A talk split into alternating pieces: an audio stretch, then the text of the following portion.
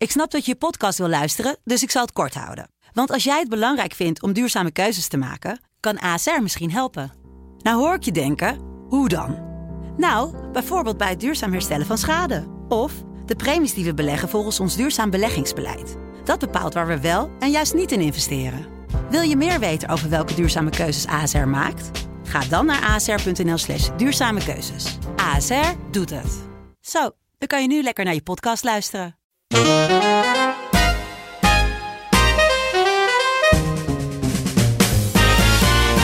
Dit is Bonte Was Podcast. Uw favoriete wasprogramma over mediamissers en opstekers. Ik ben Wansi Muller. En ik ben Zoe Papa Economo. En in deze aflevering van Bonte Was nemen we de afgelopen mediamaand weer met je door. Lekker met z'n tweetjes. Ja, jij bent net terug uit de States, hè, Zoe? Ja. Hi, how were they? Howdy, howdy. Oh ja, was in het zuiden. Texas. Ja, ja, ja. Eh, ik heb eh, een goede vriendin van mij, woont met haar partner in, eh, in Austin in Texas. En die wilde wel heel lang opzoeken.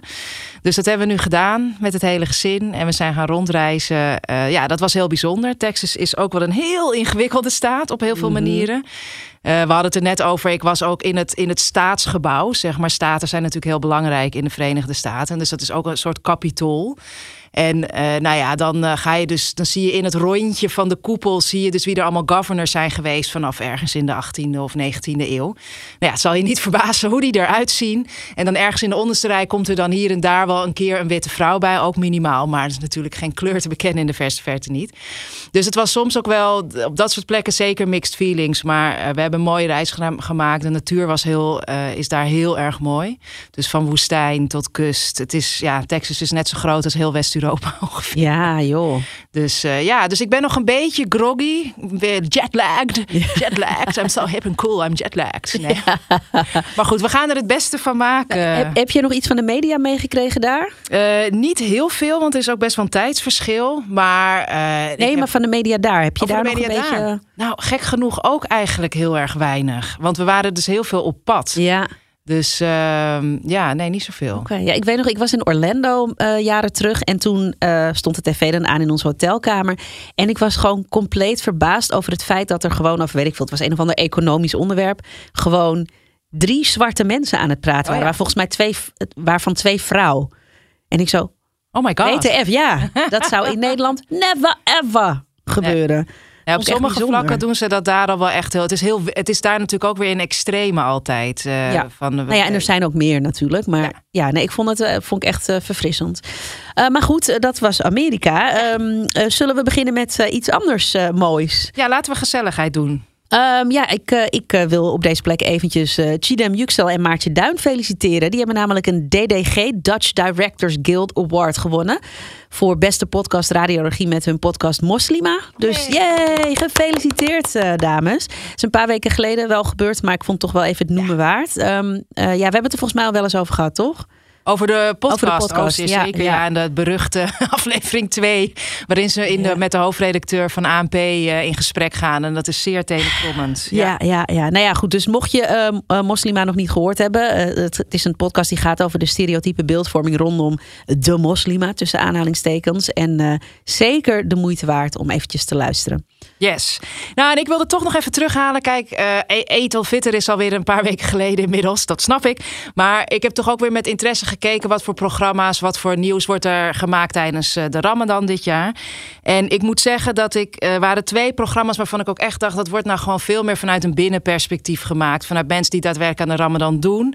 En dat was het programma Rara Ramadan. Ik moest daar echt heel hard om lachen steeds. Ik vond het heel erg leuk om te kijken. En Suhoor Stories. Dus Suhoor is het net voor zonsopgang eet je dan nog. Dat heet. Eh, vijf verschillende presentatrices die daar elke ochtend op dat prachtige tijdstip... eh, volgens mij was het en tv en audio maakten. Dus ik vond het wel heel mooi om daar wat meer van te zien. Kijk, aan de andere kant blijf ik toch wonderlijk vinden. Volgens mij is nu al best wel heel vaak aangegeven ook van... Hè, laten we niet meer zeggen suikerfeest, maar eet Ja. fitter of gewoon eet. En dan zie je toch dat veel grote nieuwsmedia blijven maar hardnekkig het suikerfeest eh, zeggen. En dat heeft ermee te maken dat suikerfeest gewoon heel erg het feest eigenlijk plat slaat. Alsof het alleen maar één grote schranspartij is. Gebeurt ook, hè, laten we eerlijk zijn. Maar dat is natuurlijk niet alles waar het om draait. Dus ik moet wel het zeggen... heeft gewoon een naam. Ja, het heet gewoon eet. Ja. Bedoel, we noemen kerst ook niet eh, eh, kalkoen of wat is het? Nee, ik verzin maar wat. eh. Kerstbomenfeest, rolladefeest. ja. Het ja, toch? Ja, we aten altijd rollade met kerst. Vianetta. Ja, oh ja, ja. Nou ja, dan bedoel Een ik. stukje Vianetta. Rollade Vianetta feest. nou ja, we kunnen het wel zo gaan noemen voortaan. Maar goed, anyway, ja. Het is interessant, want dat, heb, dat doet- deed me ook even terugdenken aan. En op zich heel mooi vond ik dat. Hè, toen, de, toen die vreselijke oorlog begon van Poetin tegen die, eh, die Oekraïne binnenviel. werd er best wel snel veranderd van we moeten bepaalde plaatsen anders uitspreken en anders schrijven. En er werd niet zo moeilijk over gedaan. En dit wordt al best wel een paar jaar al niet langer aangegeven. En dan zie je toch dat. eh, dat, dat, ja, dat toch ook grote media, want ik zag het onder andere bij de NOS, dat daar toch moeite mee hebben. Dan denk ik, hè, doe nou niet zo ingewikkeld. Maar goed, eh, Rara Ramadan en Sohoor Stories, er met heel veel plezier naar gekeken, geluisterd.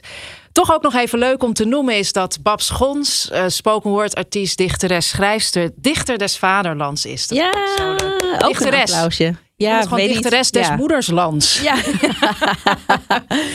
Maar goed, dat is gewoon een, eh, een prachtige eh, schrijfster en dichteres. Dus ik ben heel blij dat zij dat is geworden. Gefeliciteerd, Babs. Yes, congrats. Ehm, nou, en dan het laatste in het blokje goed nieuws van Sowie. Ehm, ik zag dat eh, onder andere RTL Nieuws ehm, aandacht had tijdens 4, 5 mei voor Anton de Komf. Een hele belangrijke verzetsheld. Daar is gelukkig de ja- laatste jaren meer aandacht voor. Uit Suriname. Ja. Ja, zeker. Maar, ehm, nou niet maar, maar zeker.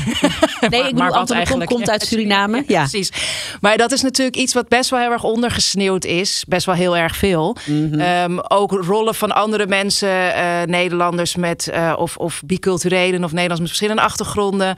eh, die ook belangrijke rol hebben gespeeld of andere landen binnen het Nederlandse verzet of binnen de Tweede Wereldoorlog. Dus dan vind ik het toch mooi dat daar gewoon in een groot nieuwsmedium even mooi dat ze daar een keuze voor maken om uit te lichten. Dus nou ja. Nou, ik, eh, om nog eh, toch eventjes, we hebben het dan toch even over 4, 5 mei. Eh, ik zag ook iets voorbij komen. Je hebt bij de, van de EO de ongelofelijke podcast. Het gaat over het geloof. En daar was dus iemand te gast. En die vertelde dus dat eigenlijk pas sinds de jaren 60 Joodse mensen worden meegenomen in dodenherdenking. Daarvoor was het, ja, Ja. daarvoor ging het om Nederlandse verzetshelden die werden herdacht. Echt waar? Oh, Ja, ja, nou ja, dus ik zal dat nog wel eventjes op mijn Twitter gooien of even in de show notes gooien. En dan kan je dat fragmentje en als je wil de hele uitzending ook terugluisteren. Eh, maar dat vond, ik- vond ik, dat, dat is informatie. Die hebben we nodig. Zeker. Eh, nou ja, dan gaan we over naar het eh, niet zo mooie. En, en je hoort misschien al aan mijn stem dat het echt niet mooi is. Nee. Ehm, op bevrijdingsdag, we blijven nog wel eventjes op 5 mei, zat ik in de auto en toen hoorde ik dit. Het lintje voor activist Mitchell Ezayas van Kickout Zwarte Piet en Black Lives Matter roept heftige reacties op. Drie mensen hebben uit protest hun eigen lintje teruggestuurd. Zes anderen hebben een brief geschreven met hun bezwaren en denken erover om hun lintje in te leveren. Dat is nog nooit eerder gebeurd. Ik zat op bevrijdingsdag 5 mei eh, in de auto en toen hoorde ik op het nieuws dat er voor het eerst in de geschiedenis eh, mensen zijn die hun Ja. eh, lintje, hè, zeg maar een koninklijke onderscheiding, teruggaven omdat de Nederlandse of Amsterdamse activist en held in mijn ogen Zeker. eh, Mitchell Isaias er eentje heeft gekregen. En nou ja, in eerste instantie moest ik een beetje lachen om de onnozelheid van dat soort lieden. Maar tegelijkertijd voelde ik ook, ik denk dat het irritatie was. Maar ik, ik weet niet, in ieder geval, ik voelde iets. En ik dacht, ja, wat, wat voel ik nou? Dus ik ging eventjes een beetje bij mezelf te raden. Wat, van, ja, waarom, waarom voel ik hier nou iets bij? En toen kwam ik een beetje uit op het volgende. Tuurlijk heeft het nieuwswaarde dat mensen hun lintje teruggeven.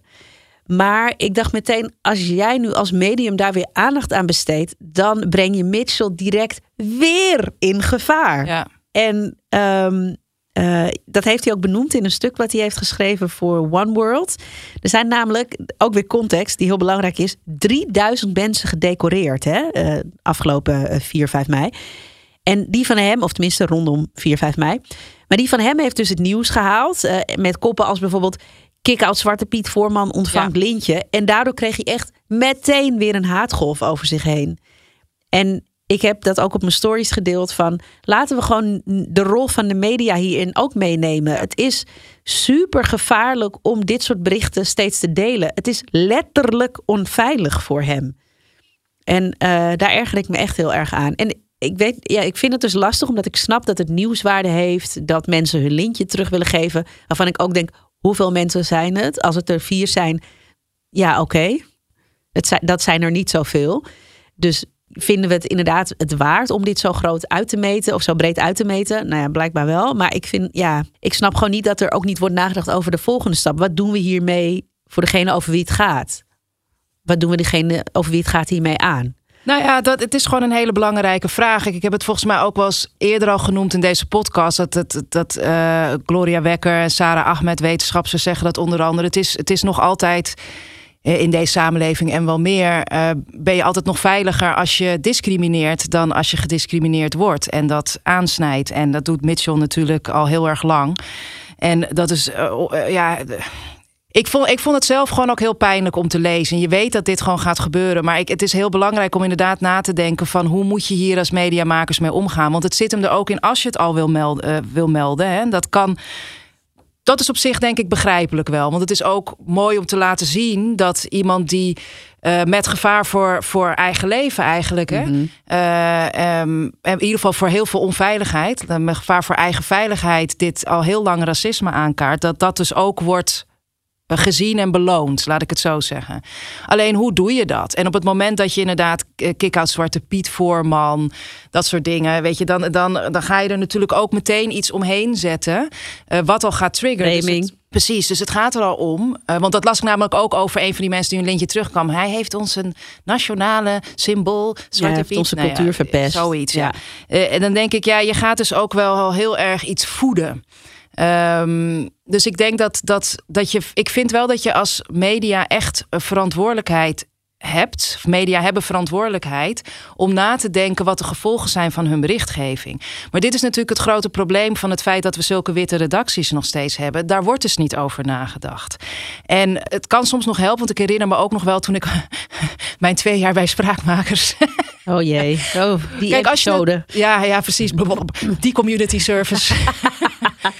die ik gelukkig heb afgerond. Nee hoor.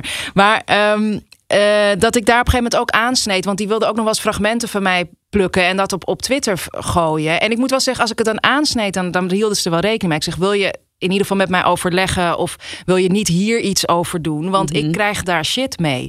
Maar ik zag dan elke keer de verbazing. Um, omdat ze het dus niet zelf heel veel meemaken. En we hebben het al heel vaak, we hebben het gezien ook bij Saada Noorhusen, nu hoofdredacteur van One World, maar die ooit uh, bij Trouw werkte en daar ook columnist was. Uh, er, wordt er is veel te weinig omgeving. Dus ook, he, dat zijn als journalisten zelf. Mensen zijn onveilig. Um, maar ja, lang verhaal kort. Er wordt dus, vind ik, uh, en ik denk dat het voor een deel dus met een gebrek aan besef te maken heeft. Wordt gewoon weer een, wordt even een stukje uitgegooid. Even ja. lekker een kop erbij die lekker prikkelt. En klaar is Kees. Maar inderdaad, het is wel heel goed dat hij dat ook heeft opgeschreven. Hij zit met de gebakken peren vervolgens. En de gebakken peren is dan heel zacht uitgedrukt. Ja, nee, het is gewoon letterlijk veiligheid. Ja. Um, dat stuk wat hij heeft geschreven voor One World uh, gaan we in de show notes zetten. Ja. Dus uh, dan kan nee. je het uh, teruglezen. Ja, dan nog even een ander dingetje. Even iets, gewoon iets in irritatie van mij tussendoor. Er wordt natuurlijk heel vaak onderzoek gedaan naar discriminatie op de werkvloer op zich altijd belangrijk wel weer om te laten zien dat het gebeurt. Maar ik denk soms ook wel zullen we stoppen met het, het onderzoek doen. ja. En gewoon uh, dat geld investeren in het daadwerkelijk aanpakken ervan. Maar vooruit. Uh, nu was het weer een, een, combinatie van instituten, onder andere CBS en uh, TNO. Nou, daaruit bleek dan dat 10% van de werknemers te maken heeft met discriminatie. Of geloof ik grensoverschrijdend gedrag. En nou, dan denk je 10% en de, de, nou, onder andere nu.nl. Maar op heel veel mediaplatformen wordt dan dat percentage uh, gebruikt. Dus ik ben even gaan kijken naar wat is dan de werkende bevolking. Ik heb volgens mij al een keer eerder een ander voorbeeld hiervan genoemd. Uh, nou, dat zijn 1 miljoen mensen. En dat is echt nogmaals weer een oproep aan collega-media, mediamakers. Gebruik nou die getallen, want 10% is vaag. Daar heb je Mhm. geen voorstelling van. Terwijl als je zegt 1 miljoen mensen, dat zijn zo ontzettend veel werkende mensen die daar last van hebben, die daarmee te maken hebben en die daar dus uh, gevolgen van ondervinden. Dus benoem die cijfers nou eens wat duidelijker dan dat je je er met procenten van afmaakt. Daar kunnen heel veel mensen niks mee. Het is een les die wij volgens mij hebben geleerd op journalistiek. Uh, dat je inderdaad, uh, ik, ik, ik, weet, even niet meer hoe het vak heet hoor, maar dat je dingen concreet moet maken. Uh, en dat je dus ook kan spelen met cijfers om een bericht te kleuren. Want ja, ik kan zeker. zeggen, hè, um, 50% van de Nederlanders blijft thuis. Maar ik kan ook zeggen, 50% van de Nederlanders gaat op vakantie. En welke kies je? Ja. Ja. Toch? Het, hetzelfde, het zijn dezelfde cijfers, maar het is wel een ander verhaal. Dus dat is, dat is wel iets wat in ieder geval journalistiek studenten zouden moeten hebben meegekregen. Ja, go back to school. Ja, um, nee, dan ga ik ook nog eventjes terug in mijn, naar mijn studententijd. Want um, Amnesty International, dat is een mensenrechtenorganisatie die ik al sinds mijn studententijd echt een warm hart toedraag. Ik uh, heb zelfs geschreven voor een inmiddels ter ziele gegaan uh, jongerenmagazine. Oh, ja, dat was mijn vrijwilligerswerk in die tijd. Uh, eind april deden ze iets uh, wat volgens sommigen onacceptabel was. Ik zag het voorbij komen bij een vriendin van mij, Sanne Breimer, op haar Instagram. Um, ik weet niet of jij het hebt meegekregen, maar Amnesty gebruikte in een Instagram-post een foto van een protest in Colombia. En daarop zie je een jonge Colombiaanse activiste die wordt afgevoerd door de oproerpolitie.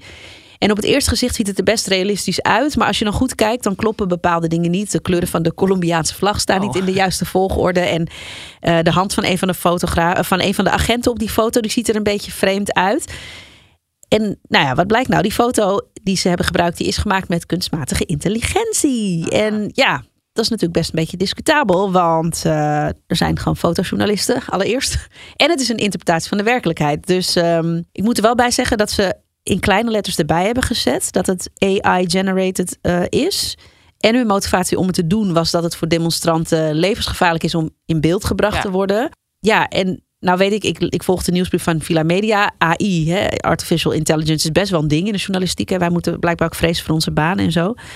Dus ik dacht, ja, dat is wel iets. Of is dat iets om ons zorgen om te maken?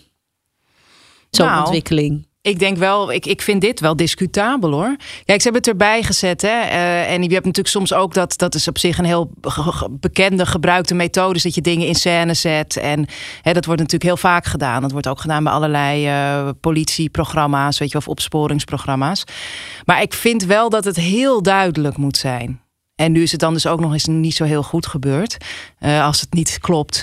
Um, dus dat zou. Ja, dat, dat, hebben ze dus expres gedaan, zodat mensen oh. zouden weten: oh ja, dit klopt niet, dus het is niet echt. Ja. Maar die boodschap is totaal niet overgekomen. Nee, ja, en ik snap het ook wel, want ik bedoel, hoe, hoe, ik, ik vind het wel een ingewikkelde. Want ik bedoel, je kan, ze hebben het erbij gezet, maar dat zijn dan hele kleine lettertjes. Uh, terwijl in dit geval denk ik ook, het is heel belangrijk voor het verhaal ook. Dus je zou het kunnen meenemen in je caption. Hè? Dat je ook mhm. beschrijft van dit is de reden waarom we, dit is geen echte foto, waar we het hier en hier en hier om gedaan. Um, maar inderdaad, jij zegt, er zijn ook fotojournalisten los even van die, maar die kunnen ook iets in scène zetten. Hè? Dus inderdaad. Ja. ja. Um, ja, en ik vind, ja, dus ik vind wel dat het echt heel expliciet gemaakt moet worden dat het, dat het geen echt beeld is. En er zit inderdaad een risico aan vast. Kijk, dan zou het. Uh, want ja, in hoe, uh, wanneer ga je over de grens, is dan de vraag. Mm -hmm. hè? Want je zou kunnen zeggen, nou, als we precies zo'n foto hebben van het echt. En dat dan dus op een andere manier vormgeven om wat details te veranderen, zodat mensen niet herkenbaar zijn. Je kan trouwens ook op andere manieren natuurlijk mensen niet herkenbaar te maken. Maar ik snap het risico, want misschien hebben ze dan toch een t-shirt niet. Ja, je wil gewoon die, die zorg uh, wil je niet hebben. Uh, maar op een gegeven moment, en dat is natuurlijk ook waar we hebben, daar gaat onze podcast natuurlijk ook over. Op een gegeven moment gaat de interpretatie van de werkelijkheid, wat jij ook zegt, daar, daar gaat ook eigen beeldvorming en er gaan mm -hmm. eigen ideeën en, en kunnen ook vooroordelen in gaan zitten. Dus dat vind ik wel een risico hier. Ja. Ja, ik vind het heel lastig. Want ik snap helemaal wat hun idee erachter was. Maar uh, voor de beroepsgroep is het geen goed nieuws, zeg maar, om dat te doen. Um, want ja, bedoel, het, gaat ook, het gaat ook los van uh, hè, wat je er ethisch van vindt. Het gaat ook om mensen hun brood. Ja. Wat je ze ontneemt. Dus uh, ja, nou ja. Ik weet het niet. Um, wil je er meer over lezen? een artikel dat in NRC verscheen, verschijnt in onze show notes. Nou ja, en ik ben een beetje klaar met al die vervelende, moeilijke, negatieve dingen. Uh, alhoewel, de kijktip die ik heb, die is ook wel een beetje, die gaat ook wel over ongemak. Dus ik denk dat jij dat wel heel leuk uh, oh ja. vindt, Zoe. Ik kijk nog wel eens tv via de Ziggo-app. En dan krijg je dan als je iets kijkt, uh, weet je wel, onderaan tips voor andere dingen die je misschien interessant vindt. En een van die tips was Z-Way. Oké. Okay. En uh, ik weet niet, zegt die naam jou iets? Nee. Nou, dat is uh, de naam van de host en bedenker van de gelijknamige serie. En uh, voor de volledigheid en context moet ik er even bij zeggen. Dat is een zwarte Amerikaanse vrouw. Uh, en uh, Z-Way is dus een satirische talkshow waarin ze elke keer een maatschappelijk thema aansnijdt en daarmee het ongemak van Amerika met dat onderwerp blootlegt. Dus dan heeft ze het bijvoorbeeld over um, rijkdom in Amerika. Uh, en echt super tof. Dan, uh, dan heeft ze een, een, een, liedje. Want het is dus niet alleen met gasten, maar ook sketches en uh, muziek.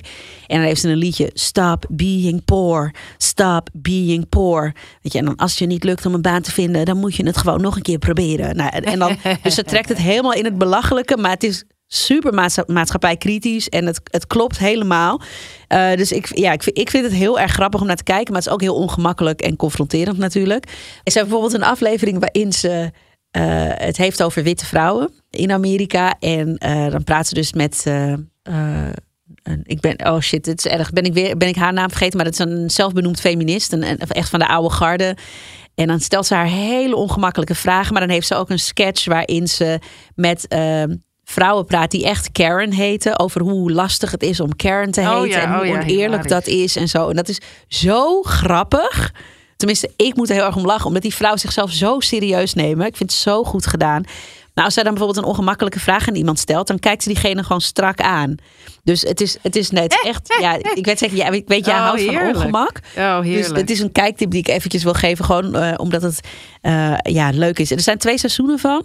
Maar er staat er maar één op Ziggo. Eh, dus eh, ik weet niet zo goed waar je die andere legaal kan kijken. Maar het is wel het kijken waard. Dus Z-Way. Ik zal ook nog even een linkje van een recensie van Variety in de show notes plaatsen.